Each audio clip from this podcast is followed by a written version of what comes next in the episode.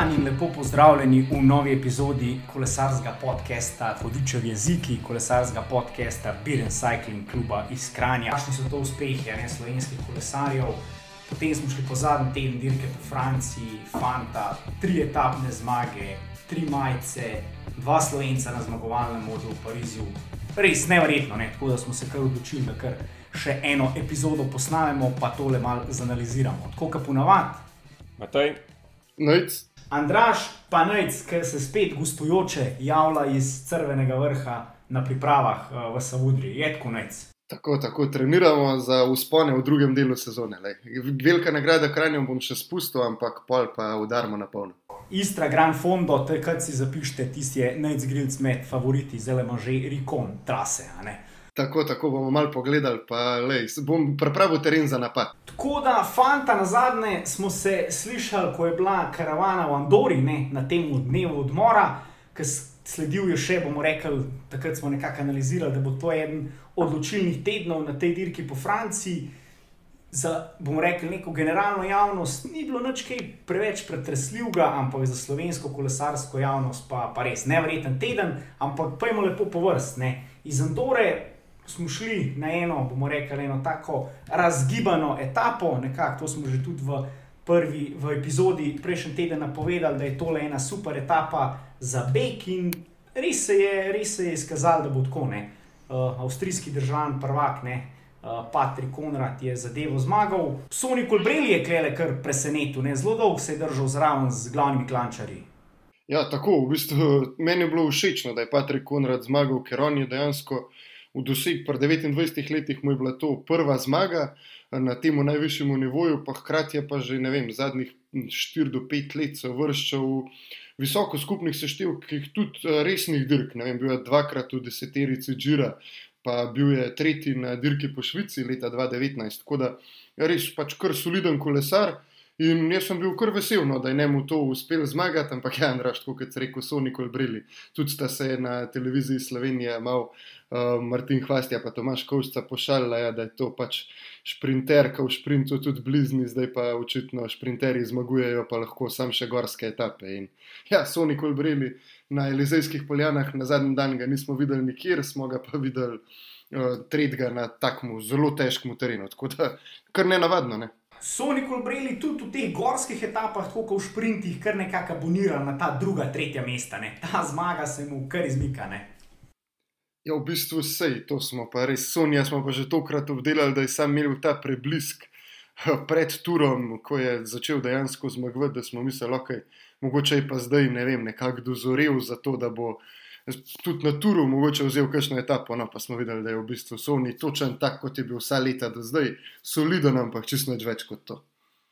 Ja, vse, kot smo rekli, po pričakovanjih. Um, mogoče tukaj še pač um, sam uspeh Bore Hansgor, potem, ko so imeli oni v bistvu malo to smolo za to poškodbo Sagana um, in njegovemu kolenom, ki ga je potem tudi kasneje operi, operiral.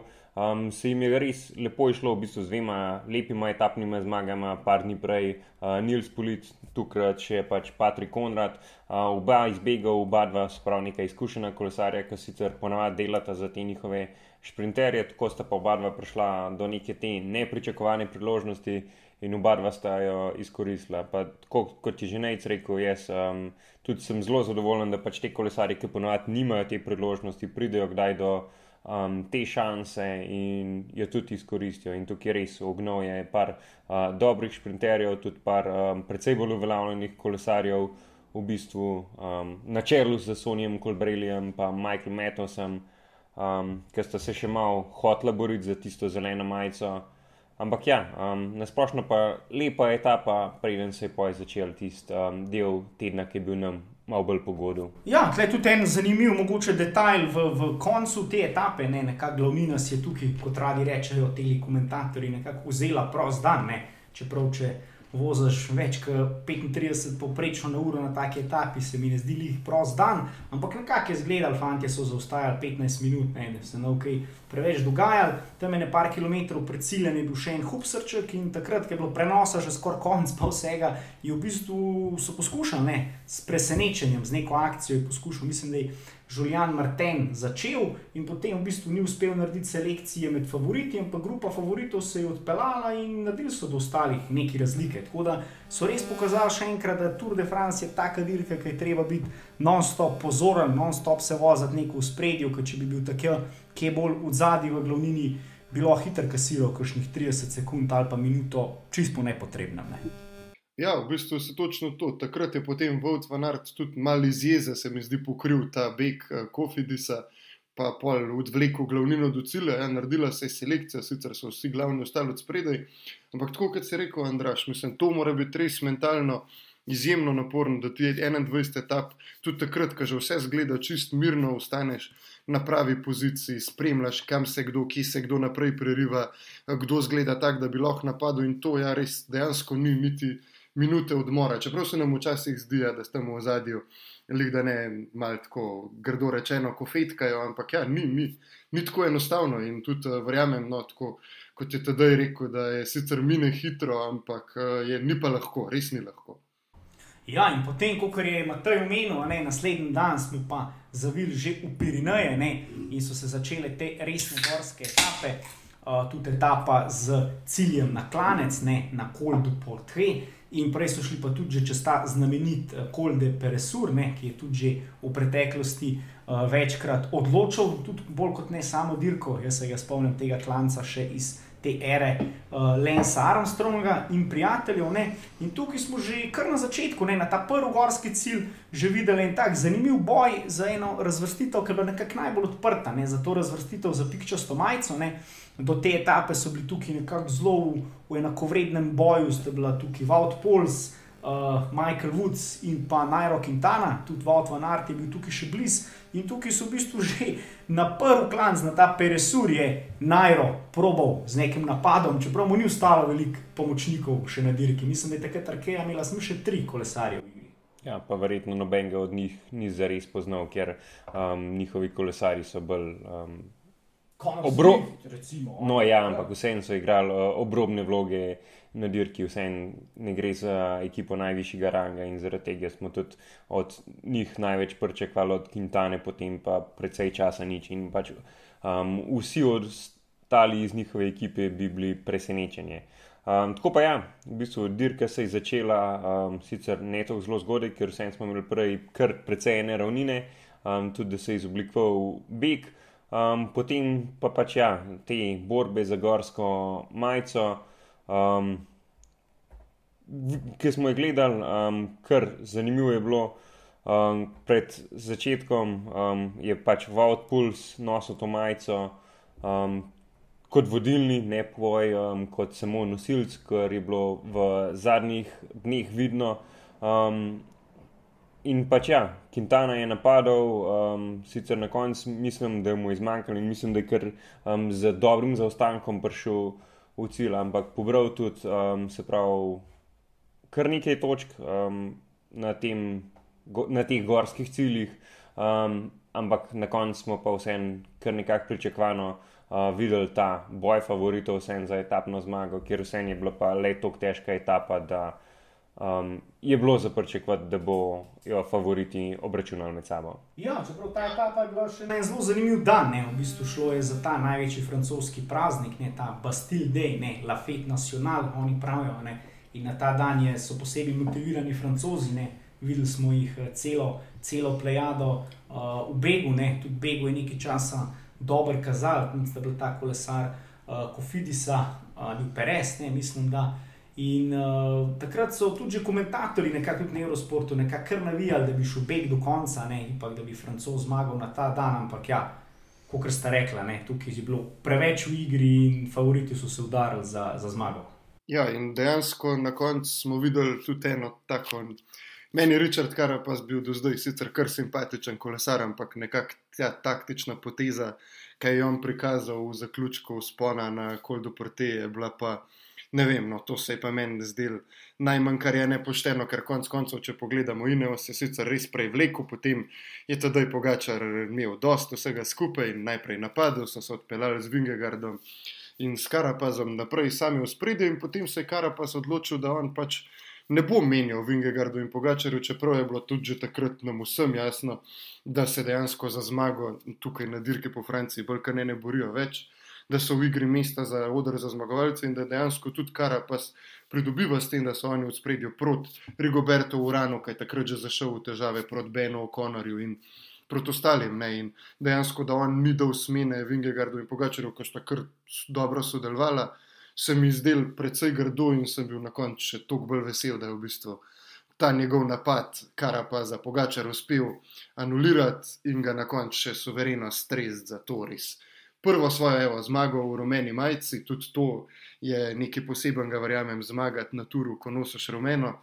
In pa ja, no, tudi to, da, da je tudi Vingegard konec koncev z drugim mestom dobil eno nagrado za to, da je dirkal, ne se skrival v zadnjem. Ja, jaz tukaj ne gojim teh nekih negativnih čustev do uh, Karapaza, ker vsem pač tukaj gre za dirke, tukaj ne gre za nek uh, copyright oziroma neko džentlmensko prvenstvo. Vsak dela čim več, da bi pač le dobil neko to um, prednost napram ostalim in pač on se je takrat odločil za to taktiko. Na koncu mu itak ni obrestvala, ampak videli smo ga pa že, da je on v se pravi prvem tednu dirke kar parkrat probal napadati, pa mu pojdi lahko rečemo tudi smolo, ko so ga v bistvu iz glavnine, oziroma saj pač iz tiste skupine favoritov, bolj ujel v zadnjih kilometrih etape in si tako ni dobil praktično nobene prednosti. Vedel je pa, da mora proti Vingegardu uh, dobiti vsaj kakšno minuto pred končnim kronometrom in um, pač on je igral na svoje karte, vedel je, da mora biti mal pes, po domači povedan. Um, in ne vem, saj z mojega ga zornega kota, nič na robe s tem, pač vsak igra na tiste karte, ki jih ima, njegove so bile slabše, probo izvleči iz njih maksimum.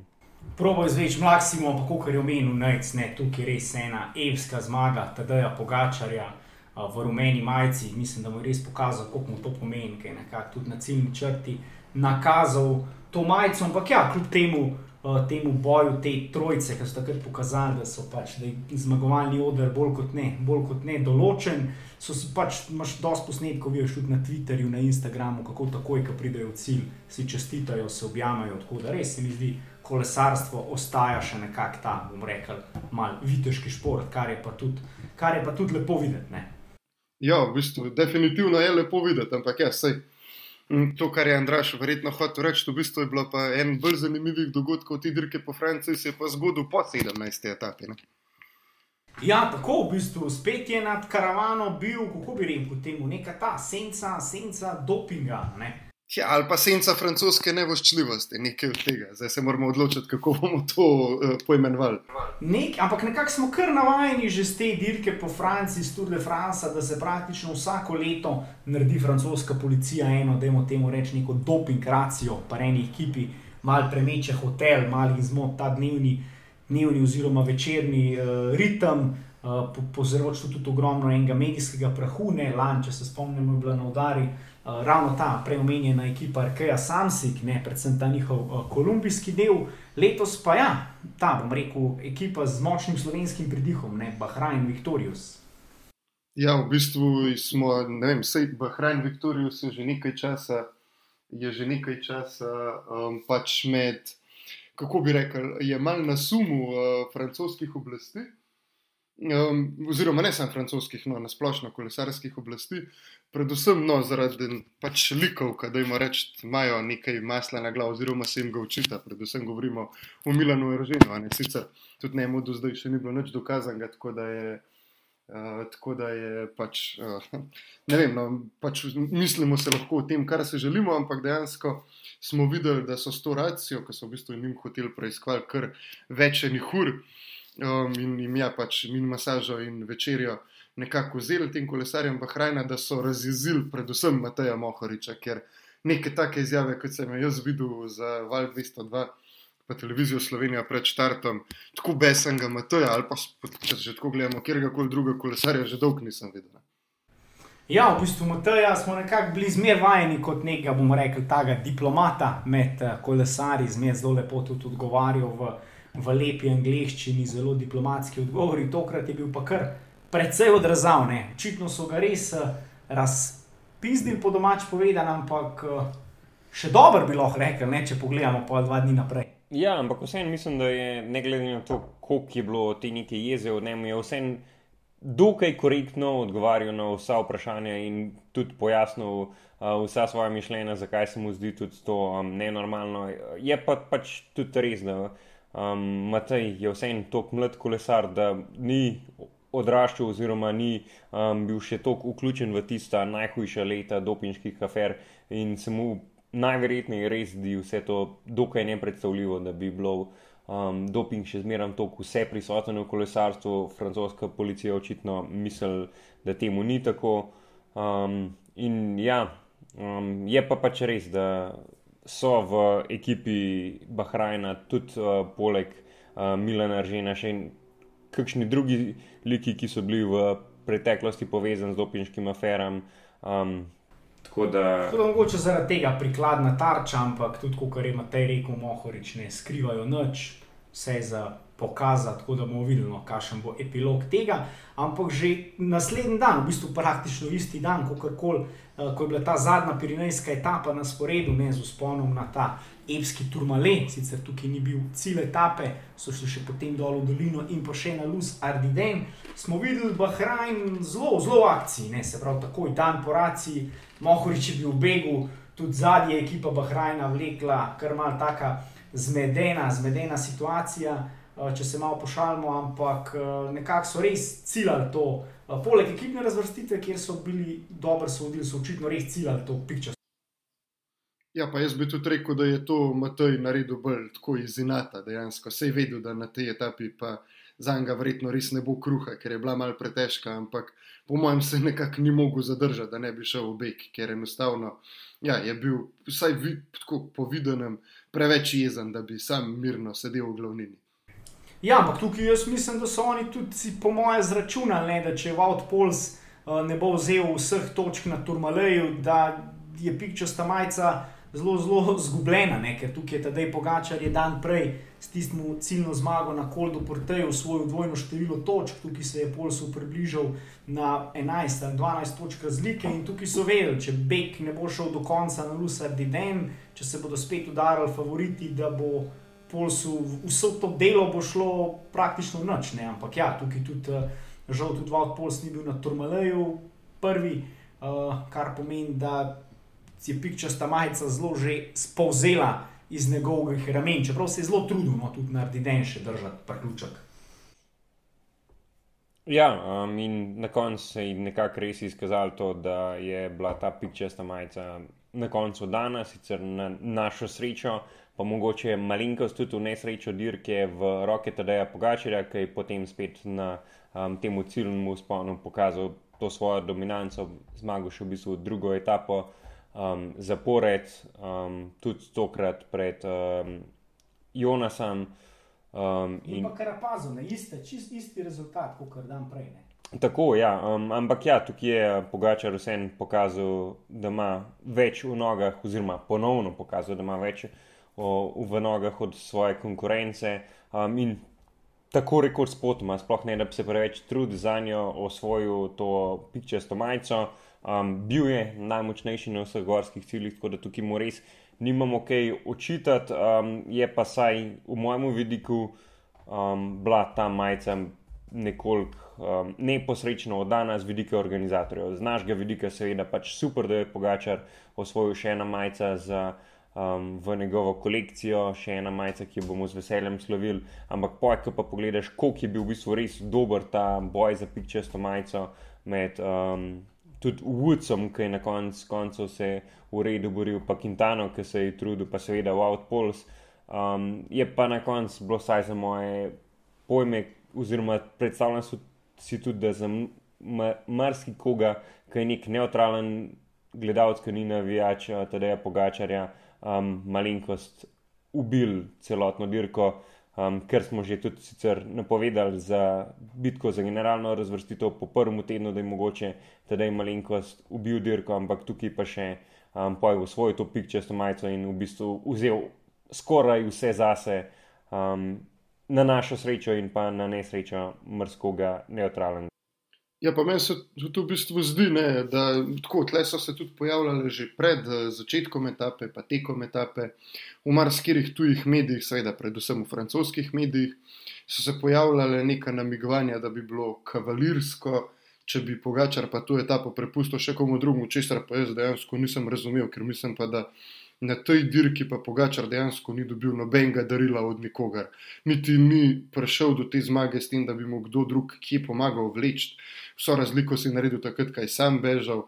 Dobro, Vingegardove tiste dve smene dan pred Ardidenom tam na Kordo Protejo, ampak tiste je bilo tudi v Vingegardovem interesu in jaz ne vem, zakaj bi mogel kjerokoli zmago pustiti konc koncev. So vsi na štartni črki, črti za to, da bi probali zmagati. In če imaš noge, kar jih tada je več kot očitno, mas se mi zdelo to tudi edino smiselno. Ne? Čeprav morda se je, vem, so, je, to se predvsem so imeli Miguela in Dorajna za tega kavalirja, ki je puščal te zmage drugim, ampak dejansko jaz nisem videl nobenega dobrega razloga, zakaj bi to tle naredil kritika, oziroma kako koli želimo temu reči, ni bila v nikakršnem smislu kritika, da je Pogačar kot mogoče kritika, kritika samega sistema podeljevanja pikčaste majice in tega. Kako ima te pikčaste majice za najboljšega gorska kolesarja? Tudi brez dvoma, da je Pogačar bil na tej. Se strinjam, ampak tudi mislim pa, da ni v interesu ne gledalcev, ne nikogar, da pač nekdo neko majico usvoji praktično spotoma.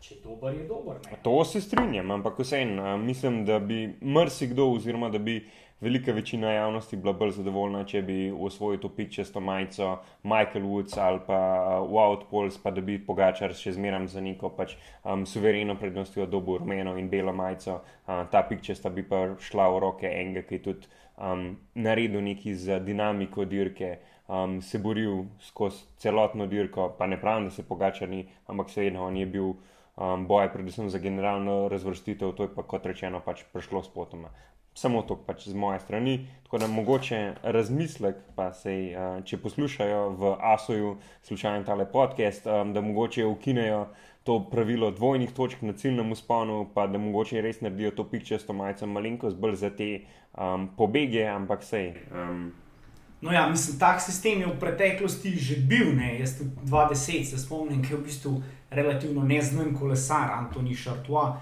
osvojil to pikčasto majico, ki je praktično v prvem tednu se udeležil vseh begov, pobral nekaj, uh, nekaj teh točk na gorskih ciljih, tretje pa četrte kategorije, potem pa s pikčasto majico v Alpah, pa Pirinejih se vozil v disko grupi, kar pa se mi zdi, da tudi ni. Ravno interes uh, pikčaste majice, ne, da pride z Markom Kevdišom skupaj v cilj. Ne. Ja, ne, to, to je definitivno res, ampak se v bistvu so nekako prej bila en pol, zdaj so pa se mi zdi tudi tako, jaz bi se tle deloma strinjal z Matejem, so mogoče to proti vtež preveč nagnili na drugo stran, pa mogoče to, da so ti zaključni sponi za dvojne točke. Mogoče lahko pač to sam priredijo, pa ni da so dvojne, ampak da je samo nekaj več točk, pa v bistvu malo bolj odprejo uh, to v bistvu polje boja za pikčasto majico, še za koga, ki je dejansko tudi dober na sponih, kot, kot je Vodpol zbil, ne? ker on se je dobro pelil um, na sponih, ampak ja, pač da ne bi. Eh, tisti nekdo, ne vem, ti pa tedaj pogačar zmaga dve gorske etapi, pa je v bistvu že dobo pikčasto majico. Ampak sej, to je vedno v takih, eh, v, v takih tekmovanjih skoraj ne mogoče najti eno zlato sredino. Zdaj se je pač razpletel tako, mogoče bi se pa, če bi še enkrat ponovili z istimi pravili dirko, tako da bi jo pol zdobo, pa nam sploh ne bi šlo noč v nos. Ne. Ja, mislim, da tukaj jaz bi sam še izpostavil, da je tale v bistvu uh, David Godune, v bistvu ta francoski up pred, pred, pred, samim, uh, pred samim turom, je v bistvu doma, tukaj nekje izpod vznožja Turmaleja. Ne? Tudi sam je rekel, da je ta Turmalej že neštet odkrat prevozu, ne? je tudi šel v Turmalej v napad in tukaj se je videl predvsem to mojstrstvo, koliko je pomembno, če ti poznaš cesto, ker jaz mislim, da ta spust iz Turmaleja v dolino, v dolino David Godu pozna praktično na pamet. Če ste mogoče gledali etapo, kako se je Godu vozil tam dol, to je bilo res eh, nevrjetno. No? To so bile neke poteze Valentina Rosija in že pač na samem spustu je v parih ovinkih Pierre Latour, s katerim sta skupaj prišla na kolde Turmale. Naredil 30 sekund in več razlike, in v dolino je praktično se teleportiral. No. Tako da res nevrjetno, kako pomeni, če poznaš cesto, če si jo imaš po malem prstu, lahko na spustu narediš čudo. Ja, v bistvu vse to, zaradi konc koncev, že tudi, pač seveda ne morejo priti na tako raven znanja, ampak zato pa že več let vsi ti favoriti za skupni seštev hodijo gledati vse glavne gorske etape, ne samo zaradi klancev, ker konec koncev to nam je Pogačar že večkrat povedal. Če se enkrat dober, če si vse en kašen je klanc, ti na vsak klanc lahko narediš razliko ali pa zgubiš, če se ga poznaš, ga ne. Ampak spusti so pa lahko zelo pomembni. Ne? In tudi zaradi tega je fino, da se ga vsaj enkrat ali pa dvakrat prej že prepeljal, da se ti saj sanja, da veš, če je kakšen res izpostavljen novink, da mal bolj pohodiš bremzo ali pa mal manj. Ne? Tako da ja. Gaudu je seveda imel kot domačin prednost, konc koncev, vse tako je imel tudi tedaj pogačar na dirki po Sloveniji, ampak eh, letos, ja, uh, mislim, da bi lahko imel celo dirko samih spustov, pa bi težko kdo pogačarja premagal, tako suveren je zgledal. Ja, v bistvu in tukaj bi jaz sam še pohvalil tudi slovenske navijače, no tudi v Pirinejih, ki so v bistvu kar precej oddaljeni od Slovenije, od slovenske meje, smo videli ogromno slovenskih zastav tudi na zelo takih izpostavljenih mestih, na gorskih ciljih in podobno. Tako da res pohvala vsem, ki so šli v Francijo, tudi mi se bomo pridružili definitivno naslednjo leto. Kot ok, imeli smo dve etapni zmagi zapored, pač nevreten rezultat. Ne. Potem je prišla ena dosta taka, bomo rekli na papirju, ravninska, bomo rekli ta. Tranzicijska etapa, kar precej dolga, tudi 207 km do Liburna, ne. tukaj pa nekako bilo za pričakovati, ali bo Mark Cavendish ali bo Dekeni Quick Step nekako probal iti v sprint, pa bo nekako probal preseči ta rekord Edija Merksa. Poleg tega se je pa vedel, da ogromno ekip nima še etapne zmage, ogromno ekip z tega Tour de France ni naredilo praktično nič in da bodo hotele praktično zadnja šansa za njih. Ne. In ta etapa se je potem nevrjetno in zelo zanimivo razpletla. Poje. Ja, še mogoče prednjo gremo na sam razplet etape. Uh, jaz niti nisem videl tako zelo dileme. Za Quickstep, ker oni so imeli tukaj na nek tehten, v bistvu to zeleno majico, kaj je vniše, kar je neposredno nekako zmaga za ekipo. Po drugi strani um, bi pa s tem, ko bi oni praktično cel dan nadzorovali beg, um, skrbeli za um, to, da pride do nekega sprinta, tvegali to, da bi Mark skoraj lahko izgubil zeleno majico. Sej, Videli smo, mislim, da, da tega Michael... veliko ne bi, glede na to, da Michael Matthews ni bil niti približno konkurenčen v sprintih. Ampak tvegali bi pa več kot nič. Tako so pa pač prepustili beg, da si je v bistvu beg pobral veliko večino točk. Marks je tukaj praktično že zagotovil zeleno majico, um, kar je bilo za Dekvenik uh, kar ključnega pomena. Saj so pač tako že drug let zapored um, si že skoraj zagotovili to zeleno majico. Um, rekord Kevindisha in je pa pač malenkost so ga postavili na stransko tirno, da tako rečem. Um, ker tudi, če bo enkrat Mark res postal um, zmagovalec, z, uh, oziroma tekmovalec za največ zmagam na ProTouru, ne bomo si ga zapolnili po tem, da bi on te uh, zmage serijsko dosegel v adresu Quickstep, ampak pač predvsem v tistih njihovih, njegovih zgodnih let, Kolumbija, HTC in podobno. Um, tako da, ja, pa se je pa pač zgodil ta beg. No, v bistvu, ja, beg, beg je bil že od začetka, ne, Matej Mohorič je bil v begu, Alpes in Phoenix je nekako to nadzor, nadzoroval zelo na eno majhno razliko, ne, nekako je kazal, da Matej dober se je malo pokazal kamere, jaz sem mogoče rekel, ok, mogoče gre v super kompetitiv nagrado. Uh, potem pa ja, tukaj je tudi tedaj pogača se je pokazal kot nek šef peletona, ki je nekako pacel šel do Majhna Kvajtovskega, pa mu rekel, da ne se malo miri, da ne rab napadati. Ne. Ampak pol je pa zadeva po drugem letečem cilju kar razpadla. Ne. Ja, v bistvu je se pa ima to izpet, on je res suho zlato za novinarje in take izjave, kot on ne da, po mojem, noben drug peloton ta trenutek, ker je lepo povedal, da je on v bistvu niti ni hotel iti v beg, to ni bila taktika ekipe, hoteli so pač pripravljati teren za Sonija, um, za sprint ampak je videl, da je bil začetek etape v bistvu zelo uh, hriboviti, noske ceste in da bi bilo pač tam smotrno biti v spredju. Pa se je pa znašel v bežni skupini, kar veliki in je rekel, da je pač videl, da edina šansa, ki jo imajo, je, da prvi del etape res dirkajo na polno. Lik zaradi tega, da bi bilo pač sprinterskim ekipam v zadju tako težko nadzorovati tempo, da se bojo pač slejko prej vdale v sodo in jih spustile, pa se pa oni lahko pomerijo uh, za zmago. In dejansko jim je Matej uspel prepričati svoje uh, svoje sotekmovalce v spredju, da jim da to naredijo. In Alpecin je pač ja, lovil do drugega letečega cilja, pol pa mislim, da je tudi njim po domač povedan, malo zmanjkalo smodnika v nogah, no pa da so videli, da je očitno bi bilo za tole treba pa čist preveč garati in so rekli, neč pa se pa, pojte step za zmago in evo. nam se je šlo genialno. Ja, tam se je pol odpeljal, še en kontranapad, ne v bistvu 20 kolesarjev je priključil tistim šestim. Ne. Jaz mislim, da je bil to en tak ključen, tistih šest bi verjetno že polovil, ker imaš pa ti 25 močnih kolesarjev spredi, uh, pa zelo težko uloviš, kar smo imeli tudi v tisti. Uh, etapi, ko, je, uh, en, ki so Emirati v bistvu probali, ki je tudi na koncu. Ja, na začetku je Pol Mohorič zmagal, ne in tukaj, ja, kot si omenil, ne, spet nevrjetna zmaga Mateja Mohoriča, solo 20-25 km praktično uh, v cilj. Kaj sploh lahko rečemo no, v tej res predstavi za, za anale? Jaz bi tukaj res še pač malo se vrnil na začetek dirke in to, kar je že najcomejno. Pač tukaj se je res izkazal, koliko tudi inteligenten kolesar je Matej Mohorič. Da pač res razume dirko, bere dirko, um, ve, kdaj mora iti na polno, ve tudi, um, da more napadati zgodaj. Um, Doskrat smo se tudi mi že sami pogovarjali, da um, v, predvsem na nekih klaskah, mogoče ima taj zelo zgodaj napada. Ampak jaz mislim, da je to vse zelo, zelo premišljeno, zato ker on se zaveda, da na veliki večini dirk on ni najmočnejši kolesar na dirki in on mora iskati neke te priložnosti, da um, najde nek beg, da najde neko optimalno varianto, da se bo pač on odpeljal, bodi si solo, bodi si v skupini. Um, v neki manjši skupini kolesarjev in iz tam pač iskal svoje priložnosti. Zato, ker on se, saj jaz mislim, da zaveda, da če pride um, v skupino vem, desetih najmočnejših kolesarjev, da bo verjetno tam izvisel, ko bo pač eden. Um, en močnejši klancar ga navil na zadnji breg, da bo pač on ostal zadaj in bo tako iskal. Um, tako pa pač ja, večkrat poskuša in več kot očitno tudi dobro poskuša, in se mu je tukaj reže drugič išlo tako da je na tisti praktično predzadnjo, um, zares, zares težko špico um, priključil, potem skočil in se odpeljal, za njim ni šel nihče direkt in potem držal tisto najprej dobro minuto, um, pa pa je po 42 sekund na koncu prišel tistih 10 km spet za neko razliko in se dost suvereno pripeljal na cilj. Um, tam pa spet neki material za novinarje, neki malga drame.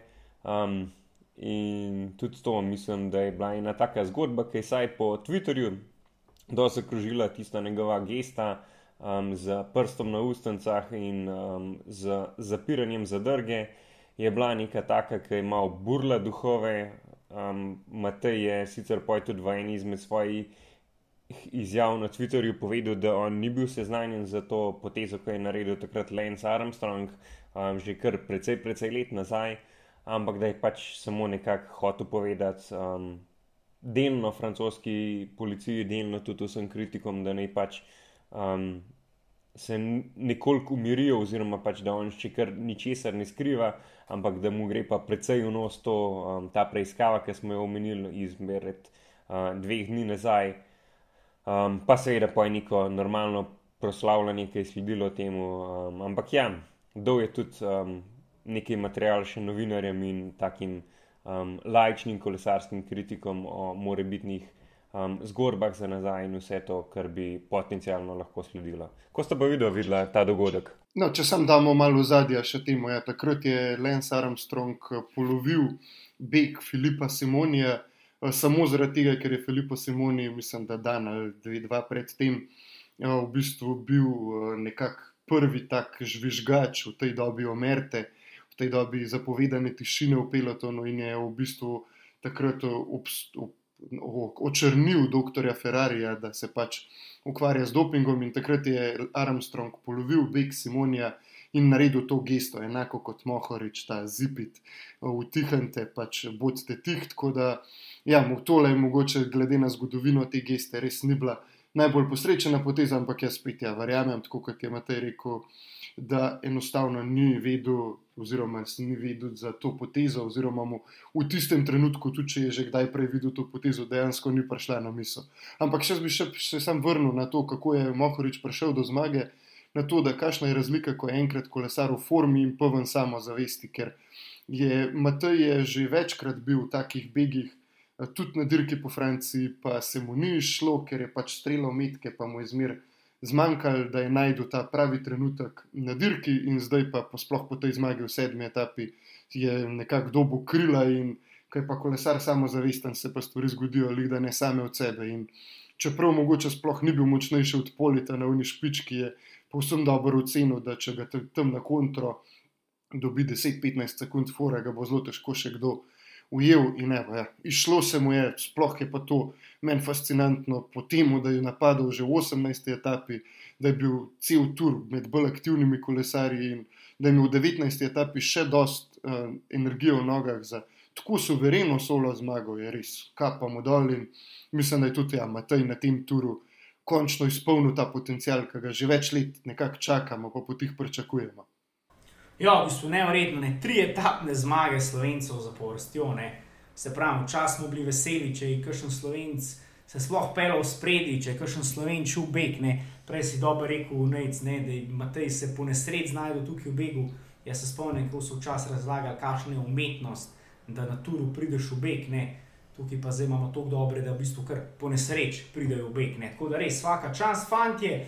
Naslednji dan nas je pol čakal en kratek eh, kronometer, ne, 30 km, ki v bistvu ni spoh naredil nekih razlik, praktično nikjer. Ne. Prva deseterica se ni niti malo zamajala, zmaga ta Deja Pogačara, ni bila niti za, seku, za sekundo ogrožena, tudi nobeno drugo mesto ne in pa en uh, zanimiv zmagovalec, Valt van Ert, ki je v bistvu v tej gorski etapi dvakrat čez Mont Ventoux dodal še zmago na kronometru, njegova prva zmaga na turu na kronometru, tako da res kompleten kolesar.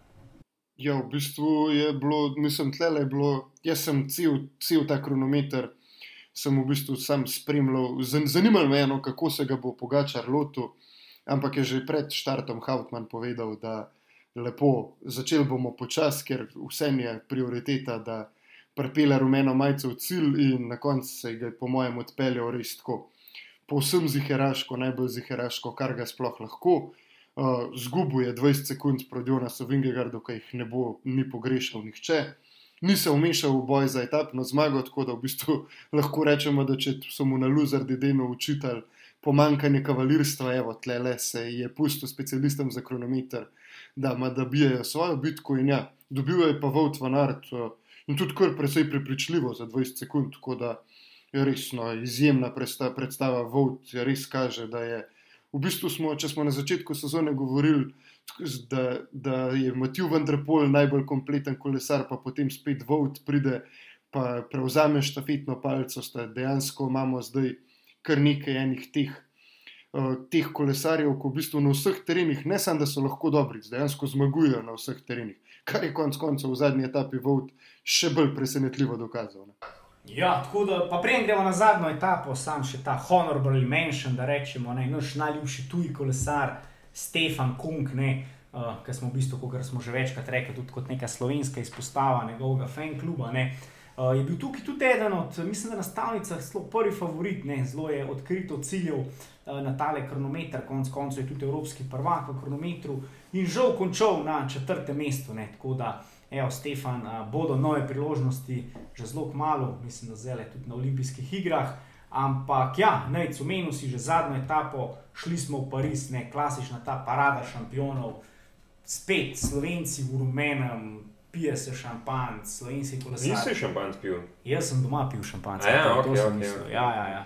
Uh, doma sem pil šampanc, ja, ja, te emirati imajo, ja, rabci imajo čuden ta odnos do alkohola. Ne? Dve stvari sta bile tukaj. Um, eno je to, da pač emirati seveda niso glih najbolj navdušeni nad uh, popivanjem alkohola. Še druga zgodba je pa, da so, mislim, da je bilo dve ali tri leta nazaj, um, proizvajalci vinja iz šampanje um, jasno povedali, da se jim ta tradicija ne zdi ok, zato ker je to neizpoštovanje do vina um, in da je to, da se pač malo na kolesu voziš in uh, degustiraš šampanc, pa da se ga precej poliva, tudi neizpoštljivo do vina. In tako da um, mogoče tudi potem, ko bo UAE zaključil s to prevlado, pa upajmo, da tega um, še ne bo tako kmal, um, ta tradicija se ne bo vrnila. Tako da um, še ena taka stvar, ki mogoče.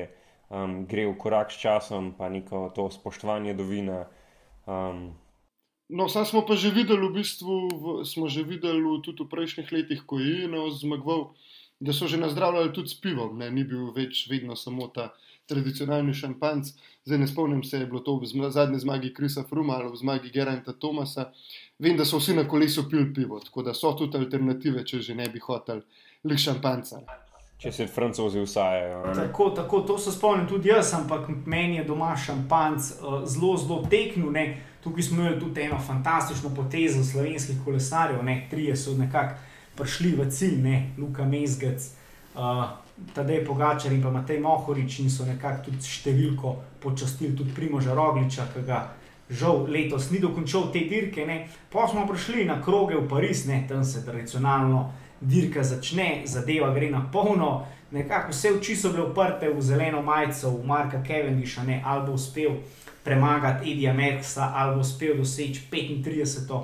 etapno zmago na Tour de France, potem pa v sprintu Vaut van Art. Ne. En dan prej zmaga kronometer, naslednji dan zmaga pač najbolj prestižno sprintersko etapo na Rizajskih poljanah. Res nevreten kolesar. V bistvu to je bil, ja, res za Vauta, enostavno mi že zmanjkalo presežkov, tako kot za TD, ker dejansko to, kar počne, je, to je res znanstvena fantastika in to je v bistvu verjetno žal smo premladi, da bi se spomnili, kako je dirkal Jedi Merks, ampak si predstavljam, da je bilo najbrž nekaj zelo podobnega. Kakršen koli teren je že bil, je bil Jedi med favoriti in ne, Ovaut je v bistvu njegov tak res pravi naslednik v tem pogledu, ampak ja, še v sprintu. Kevin Diš bi mogoče dejansko še imel v nogah tudi 135 zmago, tokrat se mu pač žal ni šlo tam v bojni ograji na levi strani, je zmanjkalo prostora, da bi bil Vauta, tudi Vaut ima kar široka ramena, tako da hitro zmanjka prostora. In evo, jaz v bistvu, vse po drugi strani, pa tudi najbrž je bila to zadnja priložnost uh, za Marka, glede na to, da bojo verjetno drugo leto imeli v Quickstepu kakšnega drugega sprinterja, ki bo prvi, ne Mark, mogoče pa ne, to bomo še videli, ampak tudi če zaključita z Edijem oba izenačena na številki 34, se meni zdi kar lep, pač primeren, primeren zaključek te zgodbe. Ja, super, no, le sej Mark, pa tudi se mislim, da je Polka je prišel na oder v zeleni majici, se kar hitro potolaže. Ja, tudi Marko, mislim, da je tukaj malenkost tudi nekako smole, ampak uh, ni mu obseb Majkla Morkova, ki mu je praktično že parkrat sam po sebi rešil etapno zmago. Um, tukaj so pač pokurili nekaj moči že predtem in se mogel Mark um, sam znajti v zaključku, pa definitivno ne da bi rekel, da se ne zna, ampak um, preprosto pač Vaut in tudi Jasper Philipsen sta bila nekoliko bolj pozicionirana. Vem, da, vemo, da je pač v sprintu nekaj loterije, da je ta um, izbira pozicije kako koli riskantna. In pač ja, tokrat se ni išlo po njegovih željah, se je pa nekoliko bolj išlo uh, Luku Mescu, ki je zaključil na četrtem mestu, čeprav ne bi um, bil tam kot eden izmed glavnih pomočnikov Michaela Metusa, pa verjetno tudi dobil vsaj nekoliko bolj proste roke, predvsem potem, ko so že na umestnem uh, šprintu videli, da je pač ta borba za zeleno majico praktično oddana, oziroma skoraj dokončno oddana. Um, je Luka Pojk poskusil dosegati v bistvu zelo dobro četrto mesto v etapi, um, ki pa nekako vseeno ostalo v senci vseh teh ostalih uspehov, ki so jih naši kolesarji dosegali, pa se pa je razvrstili na uh, odru za zmagovalce, ampak tudi Luku tukaj je ena um, pohvala, pa pač še ena lepa potrditev forme, da je pač tudi Luka dobro pripravljen in da bo treba na njega tudi če računati v preostanku sezone. Ja, mislim, Luka Mezgec, eh, siguren, ne, mislim, ta četrto mesto bi še ne vem, 5-6 let nazaj bil ogromen uspeh, ne, sploh četrto mesto na Lizejskih poljanah, ne, kot si rekel, zdaj malo preslišano. Ampak ne vem, no, Luka je res bil tale Tour de France, odlično pripravljen, no, tudi na uh, res je deloval kot ta prvi lead-out za Michaela Matthewsa in marsikdaj marsi se je praktično na letečih ciljih ko je vlekel za Matthews, videl, da je praktično mogel pobrenzati, no, da je Matthews prišel mimo, da je vzel nekaj, eh, nekaj teh eh, točk za zeleno majico. Sicer res, da je bil v boju praktično do konca, ampak nikoli jaz mislim, da ta zelena majica Marka Kevendisha ni bila neki full resno ogrožena. Bi pa jaz tole moramo pa z Lukom govoriti, no, zdaj, ko pride nazaj. Jaz mislim, da tukaj Luka ni dobil prostih rok, ampak da je dejansko probal nekako navleč Matthewsa v, v nek ciljni sprint, pa se je Matthews malo zgubil, pa je Luka končal na četrtem mestu, ker mislim, škoda, no, da ni izkoristil celotnega svojega potenciala, ker mislim, da je bil v dobri formi, pa v razrečeni šprinterski konkurenci. Bi marsikaj lahko dosegel, ampak ja, Luka je pač profesionalc, ne, tukaj je že pred turam vedel, da gre tukaj kot pomoč Michaela Matthewsa in to je oddelal vrhunsko jaz mislim, da si zagotovil pogodbo za naslednje leto brez nekih večjih problemov. Je to definitivno, ampak jaz sem tudi dejansko po vsemu prikazanem, kot se omenil na vseh letičih ciljih. Ne vem, mogoče če bi bila tle vloga obrnjena, pa da bi Metju zdelal za mesec, bi bili mogoče še kakšno točko bližje zeleni majici, ker dejansko je Mizgad pokazal, da je on v sprintu lahko zraven Metjus, pa tudi v enem sprintu ni bil zares konkurenčen za vrh. Da, ja, definitivno spet en tur, tako kot lani tisti dve drugi mesti. Ko je imel noge, pa se mu ni šlo, tokrat pač žal ni imel priložnosti, imel je noge, ampak ja, konec koncev Luka dela, je Luka je tle v službi, malo drugačni, kot smo mi, ampak še vedno v službi in če so bile pač take zahteve, je on jih je izpolnil, pogodba bo.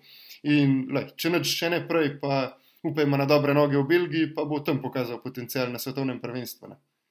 Tako, tako. Ok, in uh, Pariz, ne, uh, v bistvu ta uh, proslava, potem sledi podelitev teh. V bistvu najbolj prestižnih majic. Ne? In pravilno smo nekako že v prejšnjem podkastu napovedali, da bomo dva slovenca pravzaprav videli na odru. Ne? V TD-ju Pogačarju smo, mislim, da povedali že vse, ne.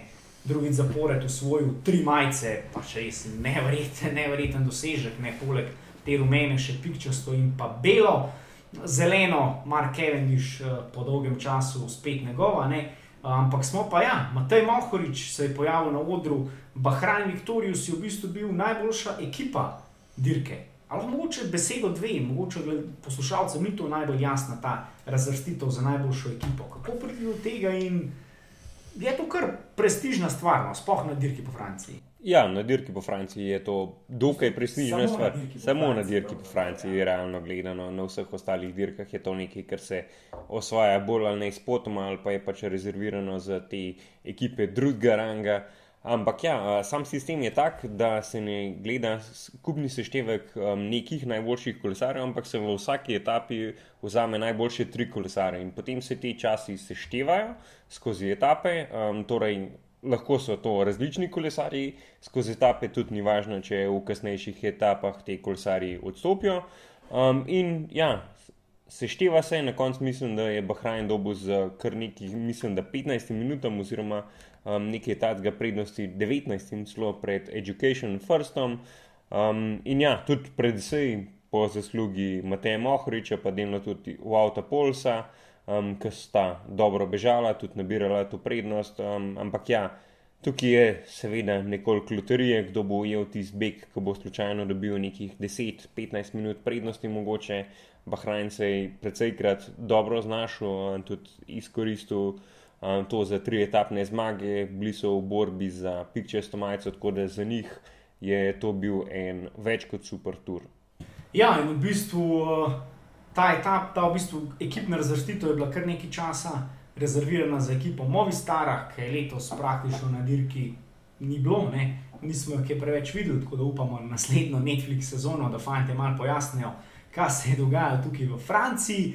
Uh, videli smo pa v bistvu, ok, parkrat smo že omenili tele francoze, ne? kje so, kje so, kje so v bistvu francozi. Uh, Nekako uh, na devetem mestu je končal Julian Martin, ne? ampak videli tudi enega francoza na tej podelitvi v Parizu. Ne? A se lahko malo pošalimo, ne pa rečemo, da francozi lahko pridejo na podium v Parizu, sam če si sami podelijo to nagrado. Je točno to, v bistvu edinkrat, edina možnost je, da se po nagradi, ki je dejansko subjektivna. Ne. Tako da, um, mislim, se je bil Frank Bonamur, ki je dobil to na- nagrado za najbolj borbenega kolesarja. Dejansko je preživel največ kilometrov v begu, ampak še vedno se ta nagrada podeljuje. Pa pač neka žirija, ki jo imajo tam organizatori, kako koli.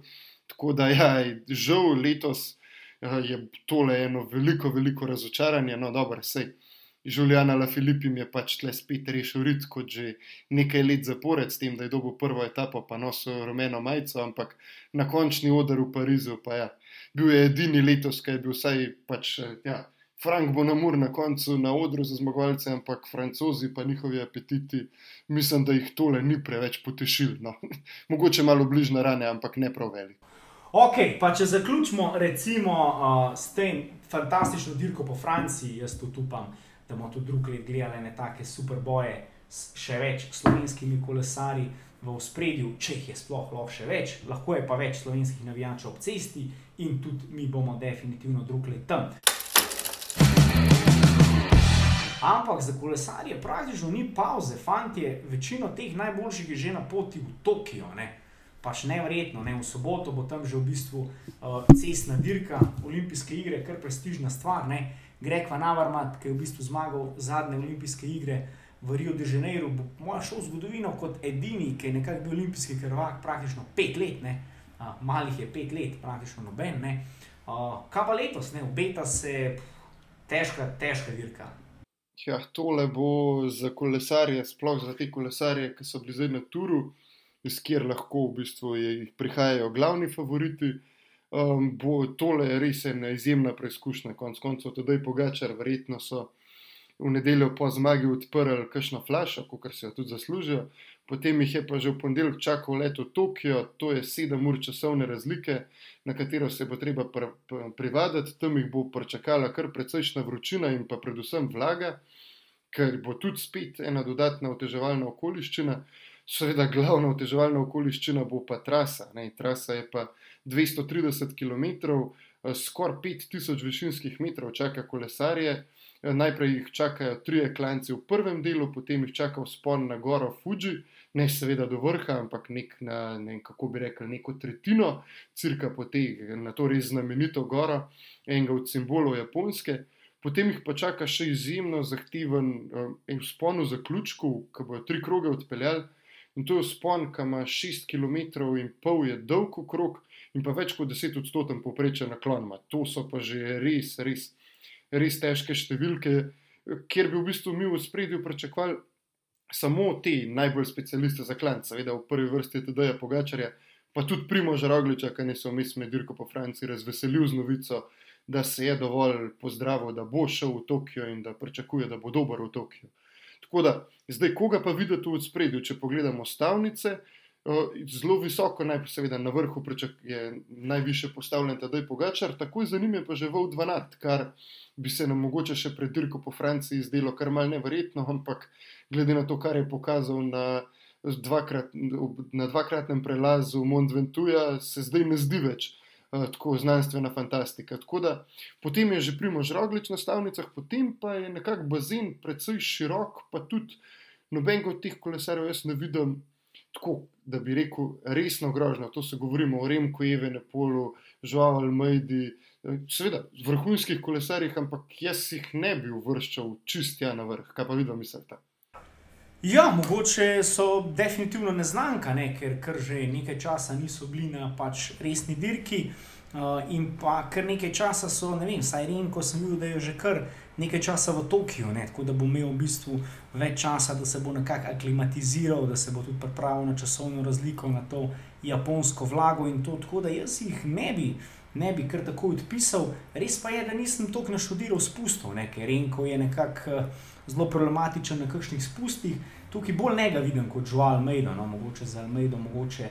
Res malenkost, pre, pretežka proga, ampak eh, zelo zanimivo bo videti. No, uh, te fante, ki bodo prišli v bistvu iz Tura, praktično direkt v Tokio, uh, kaj bo se zgodilo z njihovo formo. Ne? Ker uh, doskrat smo že videli ne, nekakšna podobna zgodba.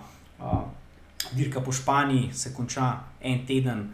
Uh, pred uh, svetovnim prvenstvom, ne, in so doskrat te špekulacije, ali greš prej dan svetovnega uh, zdirke po Španiji, da se pripravlja svetovno prvenstvo, ali ostaneš do konca. Pa nekaj zgodovina, kar kaže, da tisti, ki so nekako potem zmagovali svetovna prvenstva, so v Španiji uh, saj dirkali, če niso dirke celo odpeljali do konca. No. Tako da res je, da tam ponavadi ni glih tega faktorja časovne razlike, ampak tudi tukaj jaz mislim, da bi bilo zanimivo povezati to dvoje.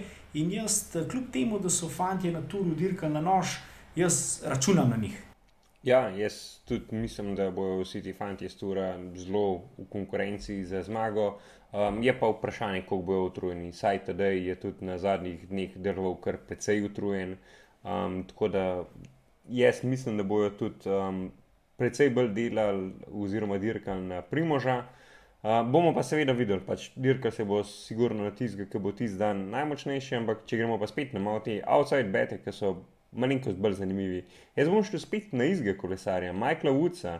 Um, pokazal se je, da je pač dober se voz, šuje taktično prej z dirke po Franciji. Vemo, da je en redkih, ki se lahko na klanc um, pele z se pravi tem najboljšim klancarji. In jaz mislim, da bo on v igri za medalje. Sej spet mogoče bom šel um, preoptimistično v to dirko, ampak jaz mislim, da bo on en tak, ki bo lahko zelo konkurenčen za vsaj podium. No? V Matej mislim, da je kandidat za ustanovitev Michael Woods uh, Slovenija Fan Club. Tako da, če še kjer ga zanima, uh, lahko pošljete tam le v naš uh, mesič na BCC na Instagramu, pa bomo skupaj naredili. Uh, Nec, kaj ti praviš?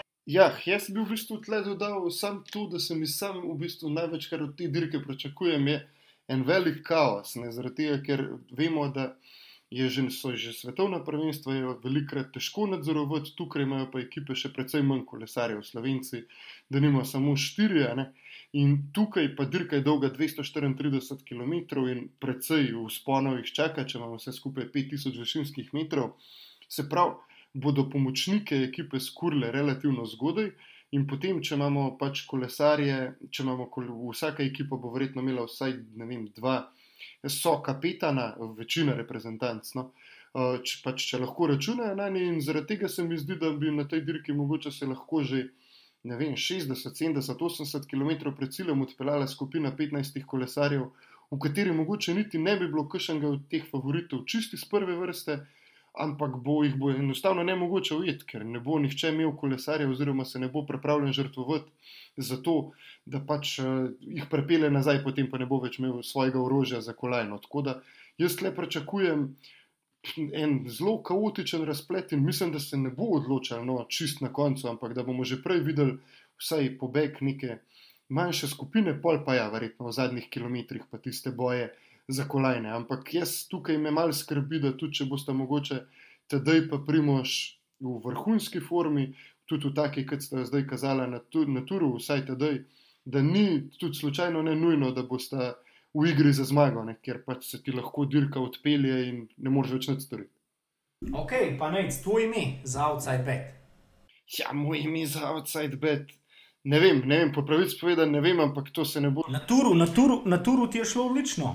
Ja, na turu mi je šlo odlično, zato se pa enostavno še nisem odločil, na koga bi stavil, ampak dobro, bom tlele malo uh, pustil, uh, pustil srce v to. Vam rekel, da se je Vincenzo Nibali dobro pripravil, pa da bo za zadnji hura pred nekakšnim slovesom še tlele v Tokiu še enkrat pokazal in dobil tisto zlato, ki je v Riju ni, pa bi jo, če ne bi padel na spustu. Tako, tako, Vincenzo Nibalo je bil v Tokiu zelo, zelo blizu te kolajne, pa je potem v Riju. Žal, v Riju, ja, se pravi, v Riju bil zelo blizu te kolajne, pa mu je potem uh, na koncu ušla iz rok. Ok, jaz bi pa mogoče šel pravcaj betu na Romana Brdeja.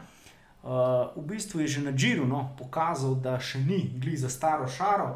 Tudi v Innsbrucku se spomnim na svetovnem prvenstvu, ki je bila trasa zelo težka.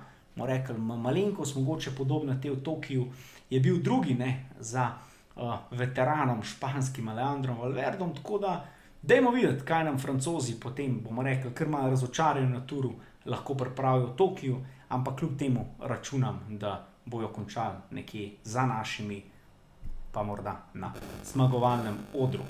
Ok, dirka se začne kar v enih brutalnih urah, ne, za slovenske razmere, za slovenske navijače, nekje ob 4 zjutraj je čas, ne, to je nekakšna glihuna ura, ki ne veš, da bi počakal, pač kar bi mal potegnil, pa boš gledal dirko, bi šel vmes spat za ne dve, tri ure, pa boš potem gledal dirko naprej. Ne? Nekak prenos eh, na slovenski televiziji, pa mislim, da od 8 ure naprej. Tako jaz mislim, da tukaj ni dileme, da tukaj greš pač spat in si zjutraj prižgeš televizijo, mogoče sicer zbudilko, jo nastaviš ob nekih 6, 7, um, fruštek in na to Dobro. Ob kofetu pogledaš to, ker vseeno mislim, da une ure od 4 do 7 um, se ne bo dogajalo nič to ključnega, da se ne bi dal zamuditi oziroma um, prebrati to, kaj se dogaja. Ključni pobegi takrat najverjetneje ne bodo šli, se jih veš nikoli, ampak um, pričakujemo, da ne bojo, bojo pa potem tiste zadnje ure odločilne.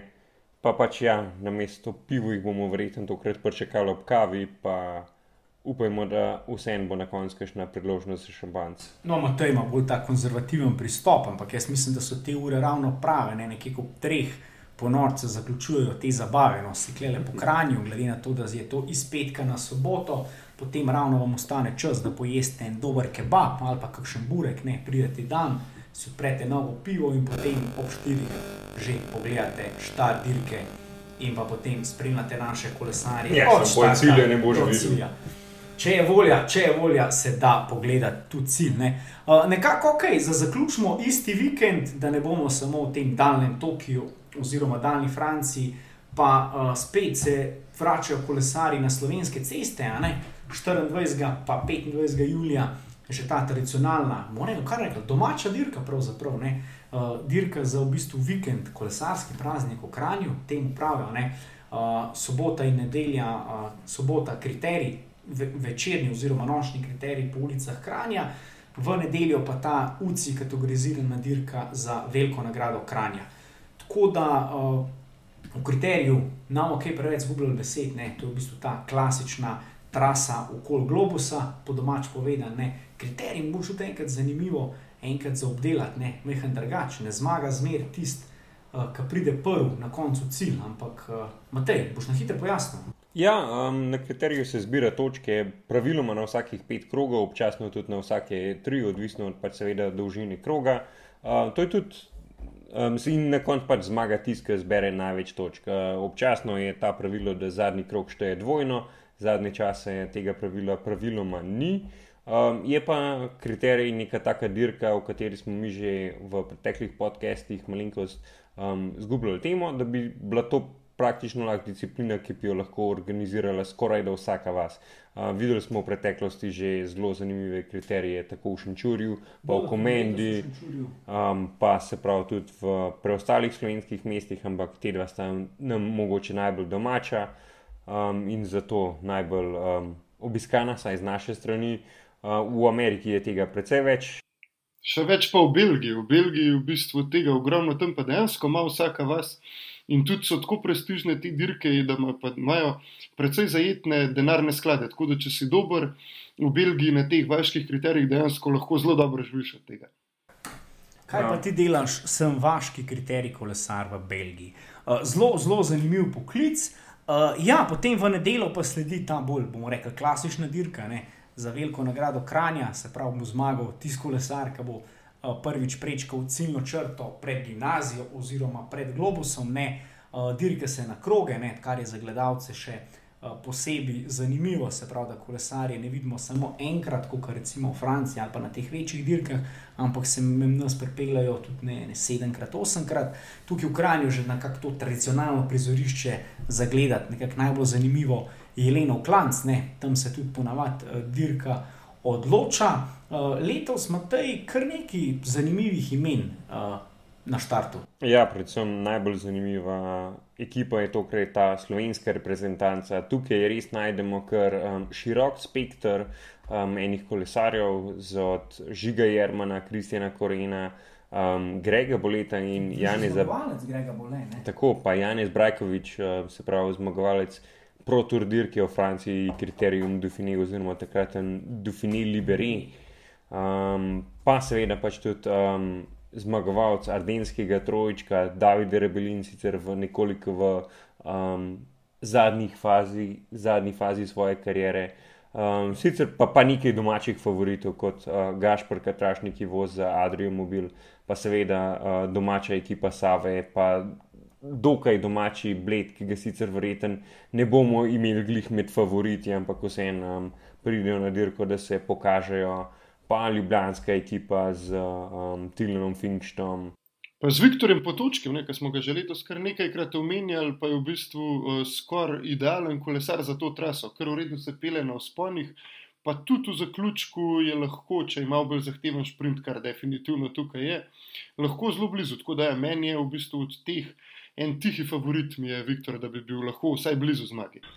Ja, ker v bistvu kaj, ta dirka se ponavadi odloča z nekim ciljnim sprintom na, na Ilenovem klancu. Ne?